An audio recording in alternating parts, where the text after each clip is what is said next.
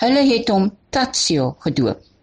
Dit is die voornaam van 'n Italiaanse renjaer van 30 jaar gelede, Tazio Nuvolari.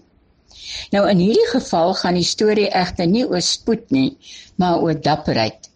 Want jy moet dapper wees om die Formule 1 renbaan van Monza oor te steek terwyl dosyne Porsche renmotors teen 250 km/h verbysnel, veral as jy 'n skilpad is. Gister is die oefening van 'n groep renjaars met Porsche-motors op Monza onderbreek toe 'n groot skilpad besluit het om die renbaan oor te steek na waar die gras groener is. Was dit nie vir die renkommissaris wat die rooi vlag gehys het nie, was hy seker mors dood. Die renmotors het gestop en werkers het gehardloop om die skilpad te red.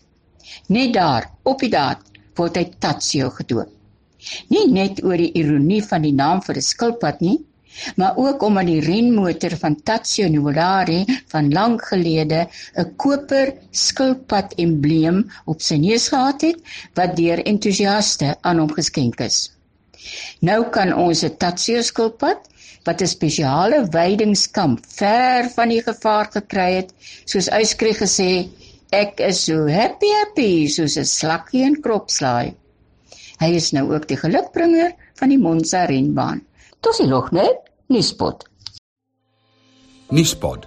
Onbevange, onbegrens, onbevooroordeeld.